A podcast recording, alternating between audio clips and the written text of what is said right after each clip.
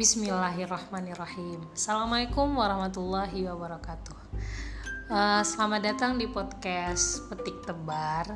Jadi kenapa namanya Petik Tebar? Kita to the point aja ya. Jadi petik tebar itu bisa tebar petik, bisa petik tebar. Jadi sebagaimana yang saya tuliskan di description tentang podcast ini bahwa barang yang hilang dari seorang mukmin itu adalah hikmah. Maka ambillah ia atau hikmah itu di mana pun seorang mukmin itu menemukannya. Jadi saya merasa ada yang perlu dipetik dari hal-hal yang bertebaran dan ada yang perlu ditebar setelah memetik. Oleh karena itu saya menamakan podcast ini Petik Tebar. Selamat menikmati.